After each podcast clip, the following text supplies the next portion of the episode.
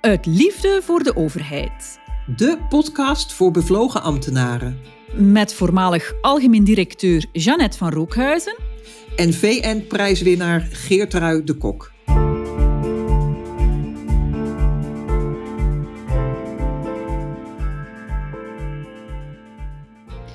Waarom maak je niet gewoon verder je gesmaakte bevlogen ambtenaar podcast afleveringen?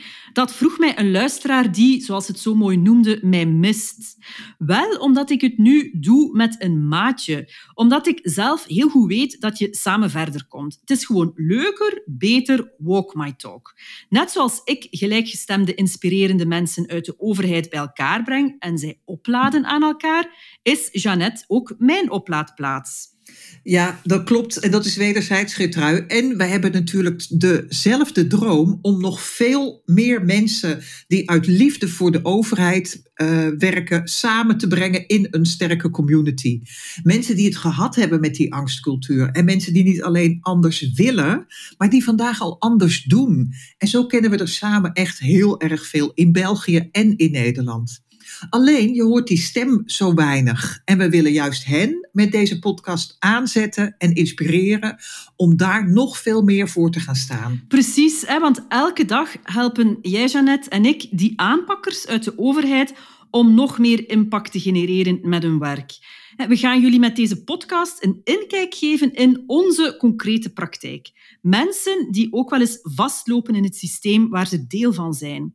En in deze uitdagende tijden zijn we met onze podcast een laagdrempelig baken waar die mensen inspiratie, hoop en erkenning vinden, maar net zo goed heel concrete tips en tricks met beide voeten in de modder.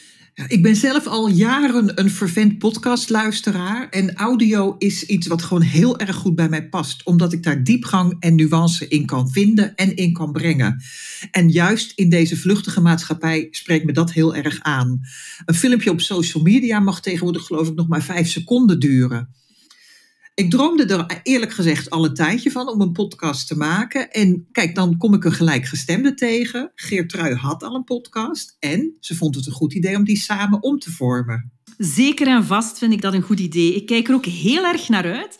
We hebben ook afgesproken dat onze afleveringen in zullen spelen op de actualiteit, op waar wij in onze beide praktijken elke dag tegenaan lopen. Dus heel herkenbaar. Energiecrisis, war on talent, eh, fusies, inspirerend leiding geven in moeilijke tijden.